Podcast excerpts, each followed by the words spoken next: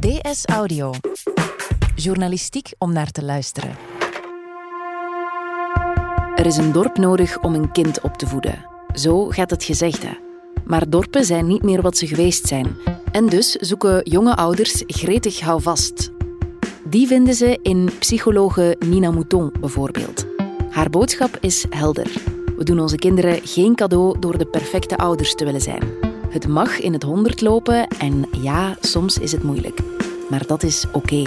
Het is maandag 28 oktober. Mijn naam is Nele Eekhout en van op de redactie van De Standaard is dit DS Audio.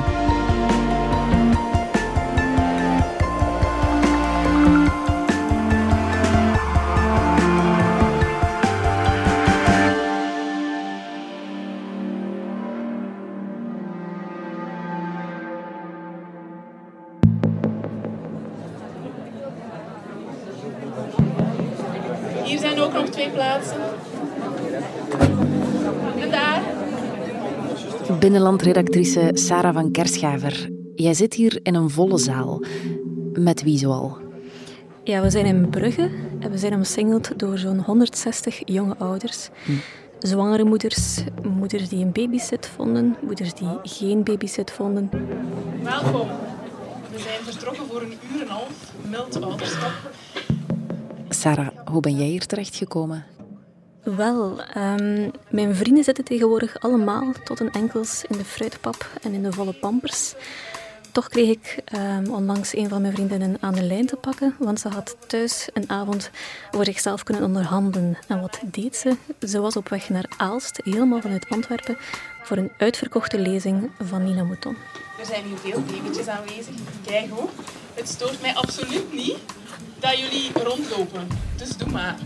En toen dacht ik, ah, tja, interessant, vanuit journalistiek oogpunt. Wat hoorde je daar vooral eh, in die zaal weer klinken? Oh, van alles. Heel veel twijfel, heel veel onzekerheid. Van mijn dochter lacht als ze mij bijt, ben ik die nieuwe psychopaat aan het opvoeden. Tot mijn zoon wil niet slapen en ik ben echt back af.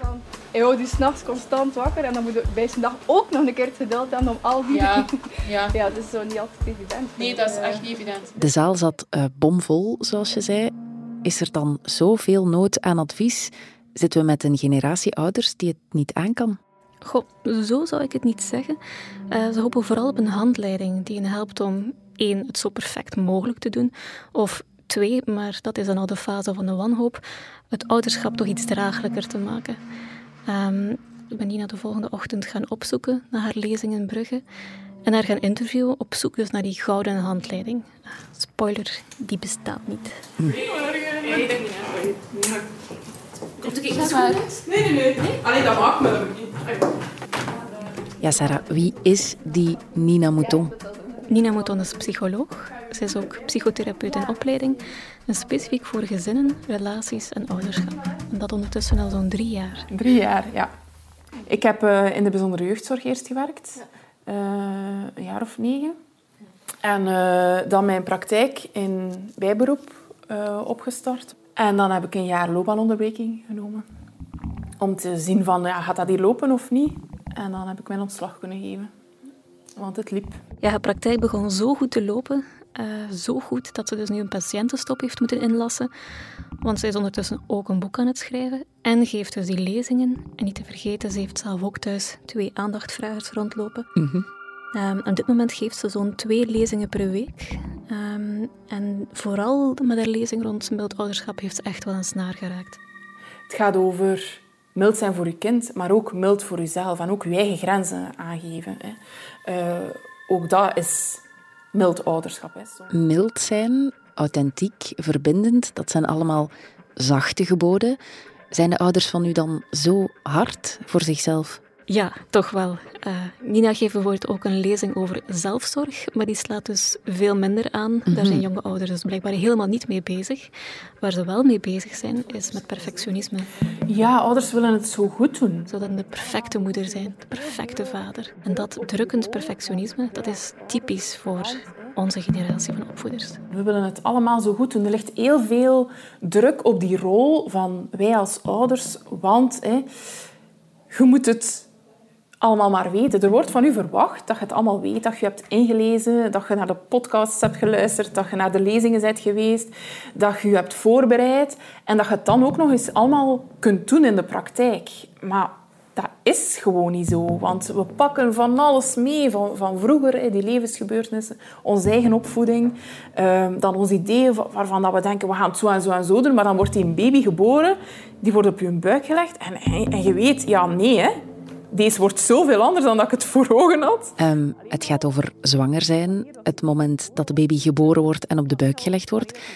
Is het een lezing die voor mama's bedoeld is? Of zaten er ook papa's in de zaal die avond? Hmm, toen ik rond mij keek, zag ik toch wel uh, een aantal vaders. 20, twintigtal op 160. Hmm. Significant minder wel, uh, maar ze waren er wel. Ik denk langs de ene kant dat vrouwen veel de boeken lezen en opzoeken op internet. En in de babbelgroepen zitten. En in mijn babbelgroep ook. Ik zou het moeten opzoeken. Kan dat, kan dat doen? Hoeveel mannen zitten er daar? Op de 5000 misschien 100. Hè? Dat zal al veel zijn. En die zeggen dan ook niks. Langs de andere kant is er ook die maternal gatekeeping. Van, ik ben um, de mama en ik weet het beter. En ik ga het opzoeken en ik ga het wel... Um, zien wat er past binnen ons gezin, terwijl dat de papa daar dan zo'n beetje wordt onbewust en onbedoeld wordt buitengehouden. En er is ook een hele grote angst van papa's, ik heb dat een keer gevraagd op Instagram, om daar alleen als man te zitten. Maar natuurlijk, als iedereen zo denkt, dan zitten er geen mannen in mijn lezing. Hè? Dus ik probeer echt um, zo wel een oproep te doen van kom met twee. Het is dus wel belangrijk dat beide ouders daar zijn, zegt Nina. Waarom is dat zo belangrijk?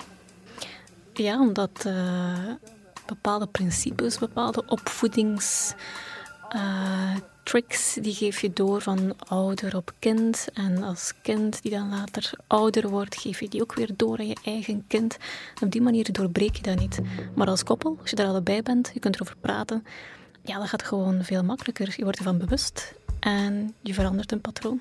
Mm Kan je daar zo een voorbeeld van geven? Ja, de oudere generaties hadden het veel moeilijker om te praten over emoties. Mhm. Dat was ja, iets waar je niet te veel woorden aan moest verspillen. En als er gehuild werd, oh, wees maar flink, uh, droog die tranen. Ja, als ik zo hoor van mijn moeder, ja, ik miste zo warmte en knuffels en, en, en zo ja, genegenheid. En, en daar was eigenlijk niet veel tijd voor in een gezin van vijf. En dat, dat, dat was moeilijk. En, dat, dat en nu zie je veel meer ouders die dat compenseren. Ze knuffelen meer. Uh, ze zeggen tegen een kind, je mag voelen wat je voelt. Vertel het gewoon maar. Dat mag gewoon allemaal. En ik vind dat schoon dat elke generatie dat wat wil doorbreken en dan dat onrecht wat wil doorbreken. Maar natuurlijk geven wij nieuw onrecht door. Hè? Want ja, we doen dan andere dingen niet. Of, ja. ja, elke generatie geeft zijn onrecht uh, door. Um, waar zit dan het onrecht van deze generatie? Wat gaan zij doorgeven? In onze generatie, denk ik, is het vooral dat perfectionisme. Veel perfectionisme ook om het zo goed te willen doen, maar dan aan uw kinderen niet willen meegeven dat ze perfectionistisch Ze mogen zeker niet perfectionistisch zijn. Hè? Maar je bent zelf wel constant aan het perfectionistisch zijn. Wat ja, zo'n tegenstrijdige boodschap is, gezegd in woorden. Maar fouten maken is echt niet erg. En het is oké dat je fouten maakt, maar je kind ziet wel een moeder of een vader die constant alles zo goed wil doen. Ja, ze kijken veel meer naar wat je doet dan wat je zegt. Dus ja, wat je doet is wel uh, zeer, zeer, zeer belangrijk. Ze heeft het over halstarrige principes. Uh, waar komen die vandaan dan? Ja, Nina omschrijft veel dingen die er wel ingebakken lijken bij het opvoeden, omdat het onze ouders hebben zien doen. Um, of dat er een bepaalde redenering in bepaalde situaties is ingekropen. Ik denk bijvoorbeeld spontaan aan een, uh, ja, een kind dat zijn jas niet wil aandoen. Dan wordt er soms wel eens gezegd, weet je, als je je jas aandoet, dan krijg je een koekje of iets anders. Ja, en in die context heeft ze het dan over voorwaardelijk en onvoorwaardelijk ouderschap. Mhm. Als je begint te als-dannen, als je nu je tanden niet poetst, dan ga je in bed zonder een boekje. Ja, dan zijn er een voorwaarde aan scheppen voor dat tandenpoetsen En dan komt hij in de machtsstrijd, want natuurlijk wil hij die tanden niet poetsen. En hij is hij teleurgesteld en kwaad en verdrietig omdat, omdat hij geen boekje niet meer krijgt. En duurt alles veel langer dan dat je dat niet had gezegd. Hè. Je, hebt dan, je hebt dan al zo snel spijt dat je het gezegd hebt. En moet ik daar nu consequent in zijn of niet? En ja, dan wordt hier alsmaar erger en dat escaleert. Zo. Dan zijn je voorwaardelijk bezig. En ik zie, allez, ik zie u alleen maar graag als je nu je tanden poetst. Terwijl, dat is kwatsch, hè? Dat, klopt niet. Hè? Ehm, ja, en dan, dan, dan gaat het voor mij weer om dat authentiek zijn. En dan, oei, ja, nee. Dat had ik eigenlijk niet moeten zeggen. Nee, dat was er nu uit voordat ik het wist. Hè? Nee, nee, nee. Zo gaat dat niet werken. Hè? Hoe gaan we dat doen werken? Dat jij toch je tanden poetst. Gaan we een keer zot doen? Gaan we een keer op je bed doen? Of gaan we een keer... Ja, hup, heb ze weer mee. Hè? Terwijl je gaat nu je tanden poetsen of je krijgt geen boekje, dan zit je zo in de uh, wij tegen zij, de kinderenpositie. Ja, ze is ze kwijt. En je bent je eigen ook kwijt. Ik herinner mij vooral als kind de genadeloze ik tel tot drie en dan regel. En meestal kwam je niet tot die drie, want ik luisterde wel. Dus het, het werkte ook wel, die trucjes van vroeger. Ja, soms wel. Het gaat vooral om het dogmatische. Uh, daar heeft niet een probleem mee. Je moet u dan ook niet vasthouden aan... Ik heb het gezegd, dus ik moet het nu ook doen. Dat consequent zijn. Zo dat, dat grote dogma van we moeten absoluut consequent zijn. Bepaalde opvoedingsregels die zien wij als heilige huisjes. Daar mag niet aan getornd worden, omdat ze al heel lang meegaan of omdat we ze nog altijd in onze omgeving zien. Nee, zij vooral authentiek. Als je voelt van, oh nee, wat heb ik nu gezegd? Zeg dat dan gewoon ja, om voor te gaan op dat voorbeeld van de jas. Um, ja, je kunt je kind voorstellen, als het zijn jas aan doet, dan krijg je een koekje. Maar je kunt ook voorstellen, oké, prima, je hoeft je jas niet aan te doen, maar neem hem, neem hem dan gewoon mee. En meestal merkt een kind dan buiten dat het toch wel gewoon koud is en gaat die jas vanzelf aan. Mhm. En op die manier kun je een kind ook wel meer voorbereiden op ja, de, de toon die toch wel in heel veel klassen of in het onderwijs uh, gezet is. En dat is die van de inspraak. Iets wat onze ouders veel minder uh, hebben geïntroduceerd in hun opvoeding, maar vandaag wel echt uh, aan de orde is. Een kind heeft ook een stem. En je kunt ermee in dialoog gaan. En je kunt al pratend eigenlijk een kind ook wel ja, tot het juiste bewegen. Of datgene waarvan hij denkt dat het goed is om te doen. Ja, maar dan kan het idee ontstaan, geven we ze niet te veel inspraak? Gaan we ze dan niet verwennen? Blijkbaar kan dat niet, volgens Nina Mouton. Um, je kunt een kind niet verwennen met een te veel aan aandacht, zegt zij. Uh, te veel aan liefde, dat gaat niet. Um, dus ze heeft daar zeer uitgesproken mening over. Ja, dat verwennen. Ja, ja ik vind dat zo belangrijk ik dat, dat, ik dat in elke lezing vertel. Um, want dat zit echt in ons maatschappijbeeld van we, gaan ze verwennen met aandacht en dat mogen we absoluut niet doen, want dan krijgen we zo een of andere verwende, verwende generatie. Ik had ook het idee, straffen en belonen. Ik was daar heel goed in opgeleid vanuit mijn, mijn psychologie um, kennis. Ik ga dat zo doen en dan ga ik een kind krijgen dat luistert en dat geen negatief gedrag stelt. En dat was gewoon mega teleurstelling, want die bleef maar hetzelfde gedrag herhalen. Omdat ik niet keek naar wat ligt er daaronder, welke behoefte ligt er daaronder, welke emotie ligt er daaronder. Hoe zit dat hier? En op het moment dat we daarmee zijn gestopt en eigenlijk is, is de behoefte van een kind verbinding voelen hè, met, met hun ouders... Um, zoveel mogelijk en zeker ook op die moeilijke momenten waarin dat emoties hen zo erg overspoelen, uh, door daar juist wel aandacht aan te geven en samen te zoeken van wat is dat hier allemaal, maat? Hey, kom, maar, wat voelde hij hier allemaal? En door, door woorden te geven aan die emoties en door te zeggen, het is oké. ik zie u nog altijd graag, ook al zijde jij zo boos of verdrietig of angstig. Het is oké, kom maar bij mij. Um, je mag je zo voelen en we gaan hier wel samen door. Um, hebben kinderen veel minder de nood om constant aan de alarmbel te trekken door uh, dat tussen aanhalingstekens negatief gedrag te stellen. Ja, dus het tegenovergestelde is waar. Haar boodschap heeft vaak bijna een troostende toon, vind ik. Um, het lijkt er een beetje op dat al deze ouders gewoon willen horen van het is oké, je bent niet alleen, wij worstelen allemaal. Klopt dat? Absoluut. Nina vertelt dat die verbinding onder ouders heel belangrijk is. Um, dat viel trouwens ook op in de zaal in Brugge toen wij er waren. Iemand vertelt iets uh, over zijn of haar kind, een heel moeilijke ervaring. Bijvoorbeeld de zoon heeft woedeaanvallen. Meteen zie je daar wat mensen knikken. Ah ja, heb ik ook. Uh, ze draaien zich om. Ah, wie is die zielsverwant? Uh, um, dus je merkt, ouderschap is gewoon vaak heel moeilijk. En op zo'n avond, uh, tussen al die gelijkgestemden, om daar eens je hart te kunnen luchten en erkenning te vinden voor het feit dat het worstelen is, ja, dat, dan zie je dat dat gewoon uh, heel veel deugd doet. Um, dat is eigen, denk ik, aan mensen die al eens twijfelen wat normaal is, wat ja. moeilijk is. En die dan bevestiging vinden van, hé, hey, ik ben geen slechte ouder. Het is gewoon eventjes moeilijk. Ja, er is zoveel. Ja, dat je toch roept tegen je kinderen. Of dat je de Hans in een avondrush een rush is en dat alles zich maar opstapelt en dat je zo nog juist die kinderen toch nog eten op tafel hebt kunnen zetten, maar oh, dat je leeg bent en dat die kinderen helemaal niet ontladen zijn en dat je zo voelt van dat die dan ook niet in hun bed willen. En ja, dat stapelt zich op. Hè. En dat dan half tien is en dat je, dat je het helemaal ja, dat helemaal. Helemaal tot dat je je verdronken voelt. En ja, wat was deze? En dat is oké. Dat, dat maken we allemaal mee, maar we spreken er gewoon niet over. Maar als je daar dan zit in zo'n zaal en je hoort woedeaanvallen, kinderen die hun jas niet willen mhm. aandoen, die hun tanden niet willen poetsen, de uitputting, als je dat zo allemaal samen mhm. in één zaal ziet, dan zou je denken, waarom maken wij in godsnaam nog kinderen? Ja, dat, dat was ook mijn gedachte als uh, kinderloze dertiger. Dus ik heb die vraag dan maar meteen gesteld aan uh, Nina Mouton. Mhm. Ik denk dat kinderen echt de laatste trigger zijn die die we soms nodig hebben om echt stil te staan bij onszelf. Hè? En bij het leven en bij... Ja, en dat zijn dan weer die spiegeltjes, hè?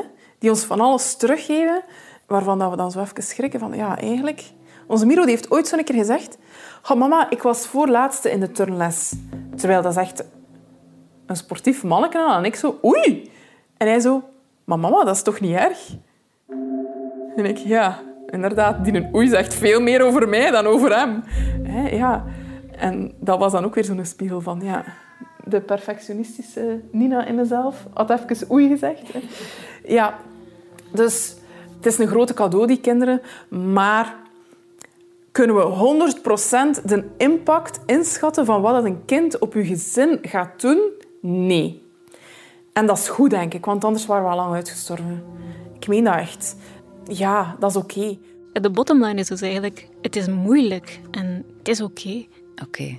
Doe en, en bots ook. Weet je, je moogt echt botsen. Het mag echt in tonderd lopen. Weet je, daar leerde echt veel uit.